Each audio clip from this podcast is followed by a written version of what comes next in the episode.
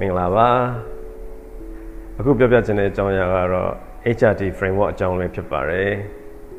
ဒီလူတွေပြောပြောနေတဲ့ HRT ဆိုတဲ့ Human Resource Development ဆိုတာဘာကိုပြောတာလဲဆရာကြီး Jerry Gilly တို့1989လောက်ကပြောခဲ့တာကိုပြန်ပြောရမယ်ဆိုလို့ရှိရင် HRT ဆိုတာ activities တွေပဲဖြစ်ပါတယ်ဒီထက်တိတိကျကျပို့ပြီးပြောရမယ်ဆိုလို့ရှိရင်တော့ learning activities တွေပဲဖြစ်ပါတယ် တခုတော့ရှိတယ်ကျွန်တော်တို့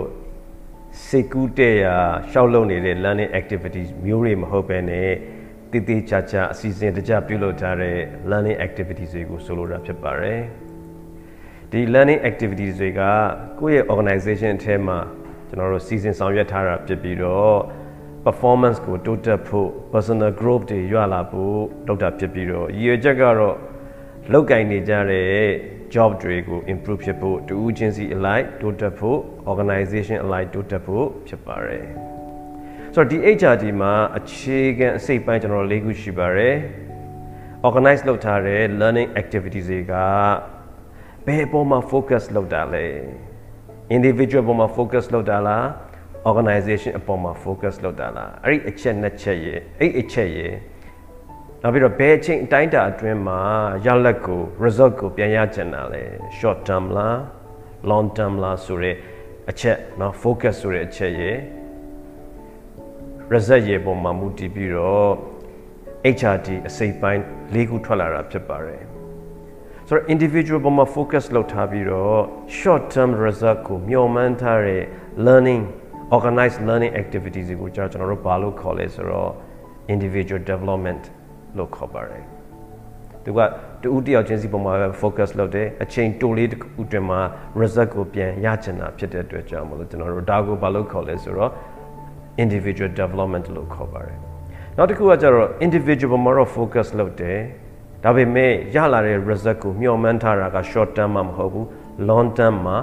မျှော်မှန်းထားတဲ့ organize လုပ်ထားတဲ့ learning activities တွေကိုကြတော့ကျွန်တော်တို့ career development လို့ခေါ်ပါတယ် သူကကြတော့ long term ဒါပေမဲ့ individual မှာ focus လုပ်တာဖြစ်တယ်